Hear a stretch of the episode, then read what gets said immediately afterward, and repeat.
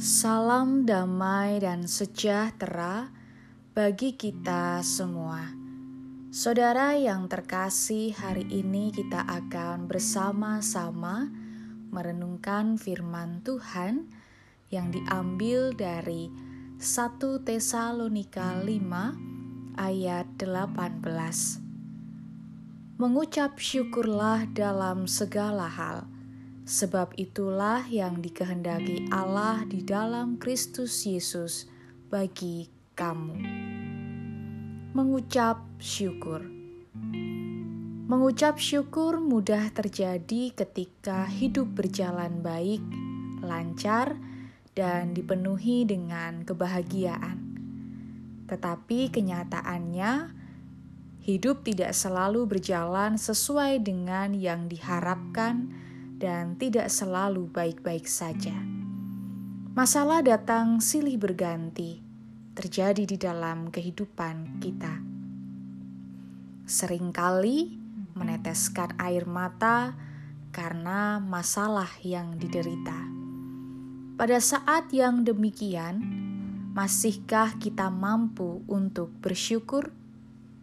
Firman Tuhan pada saat ini bukan mengajarkan kepada kita untuk tersenyum gembira dan bersorak-sorak dalam segala hal, melainkan mengucap syukur di dalam segala hal.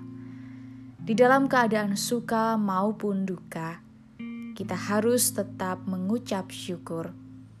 Memang sangat mudah bagi kita untuk mengucap syukur saat hal-hal baik terjadi dalam kehidupan kita. Tetapi ketika yang datang adalah duka, mampukah kita tetap bersyukur? Tuhan mengajarkan kepada kita untuk bersyukur dalam segala hal, bukan bersyukur atas segala hal.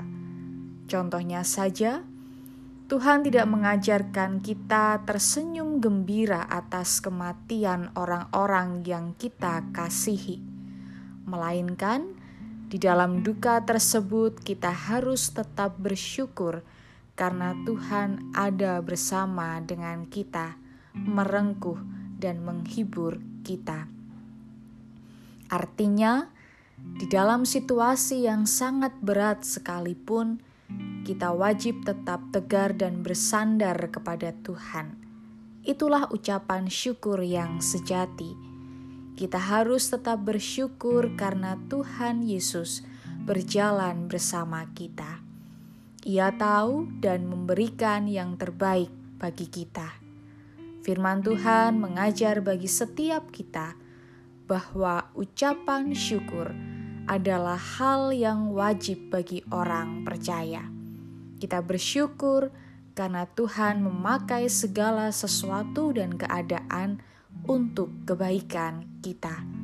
Oleh karena itu, sudahkah saudara bersyukur hari ini?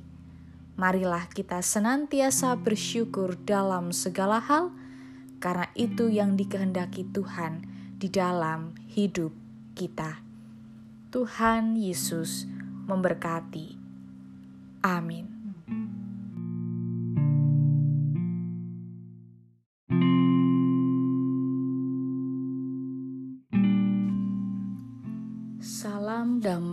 Sejahtera bagi kita semua. Saudara yang terkasih, hari ini kita akan bersama-sama merenungkan firman Tuhan yang diambil dari Mazmur 9 ayat 2. Aku mau bersyukur kepada Tuhan dengan segenap hatiku. Aku mau menceritakan segala perbuatanmu yang ajaib. Nafas karya Tuhan. Ada sebuah buku yang menuliskan tentang aktivitas tubuh manusia. Salah satunya adalah bernafas.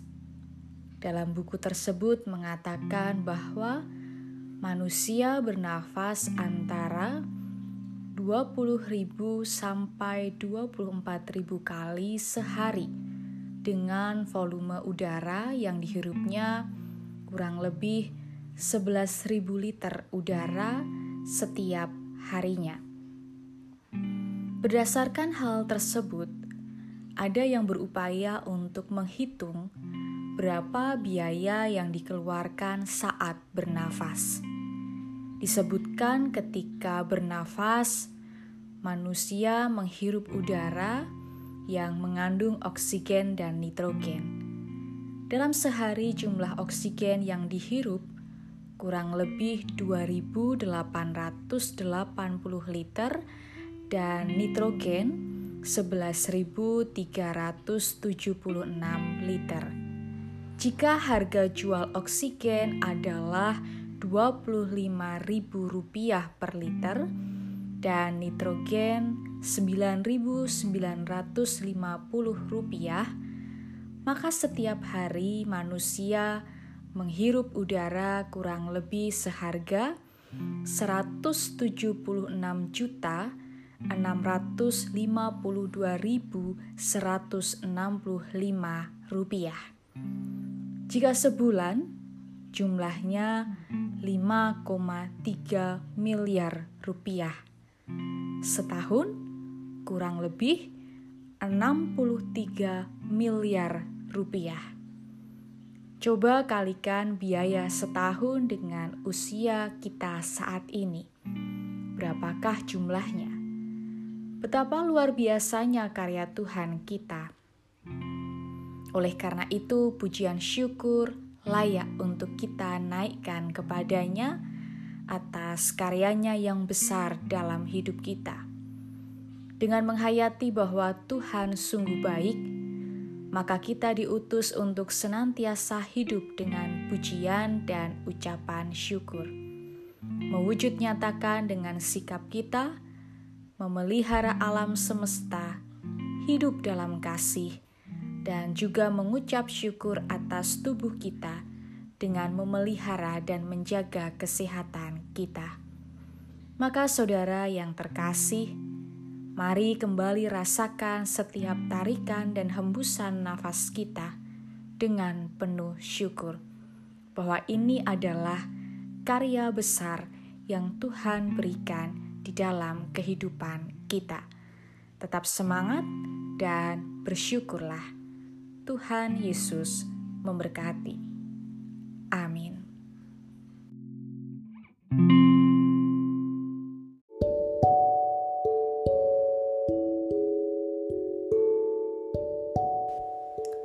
Salam damai dan sejahtera bagi kita semua. Saudara yang terkasih, hari ini kita akan bersama-sama merenungkan firman Tuhan yang diambil dari 1 Tesalonika pasal 4 ayat 18.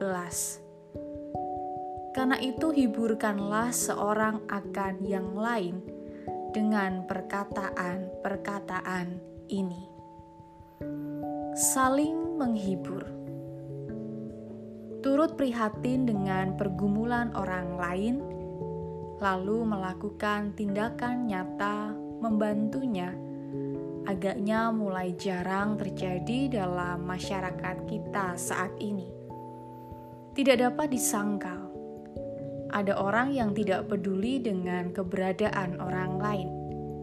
Yang lebih parahnya lagi, orang justru senang menambah persoalan. Sikap seperti ini tentu tidak boleh ada dalam hidup kita sebagai anak-anak Tuhan. Setiap kita dipanggil menjadi berkat bagi sesama. Artinya bahwa kita dibutuhkan orang lain dan kita membutuhkan orang lain.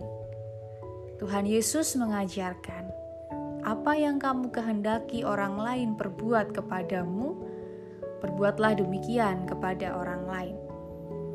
Peduli kepada orang lain akan menghadirkan damai sejahtera Tuhan bagi orang itu, bahkan seluruh ciptaannya. Kesediaan mendengar keluhan sesama sangat berguna dan menyenangkan, sebab batin dan pikiran yang dipenuhi beban persoalan akan menjadi tenang jika diperoleh jawaban yang benar, menyegarkan, dan meyakinkan. Dalam pemahaman seperti inilah, Paulus mengajak orang percaya untuk memberikan perhatian yang serius bagi saudara sepersekutuan yang berduka cita karena tidak mengetahui tentang pengharapan bagi orang lain. Dalam kehidupan ini, setiap kita berada dengan sesama, masing-masing dengan pergumulan dan persoalannya. Pergumulan dan persoalan hidup membuat seseorang mengalami kebimbangan, tekanan, dan kesedihan.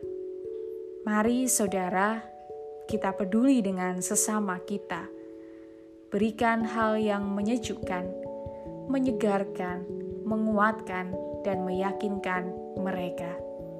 Tuhan Yesus memberkati. Amin.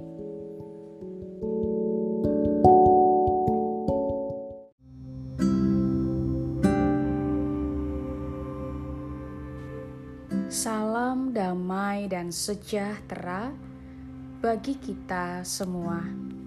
Saudara yang terkasih, hari ini kita akan bersama-sama merenungkan firman Tuhan yang diambil dari Mazmur 55 ayat 23. Serahkanlah kuatirmu kepada Tuhan, maka ia akan memelihara engkau.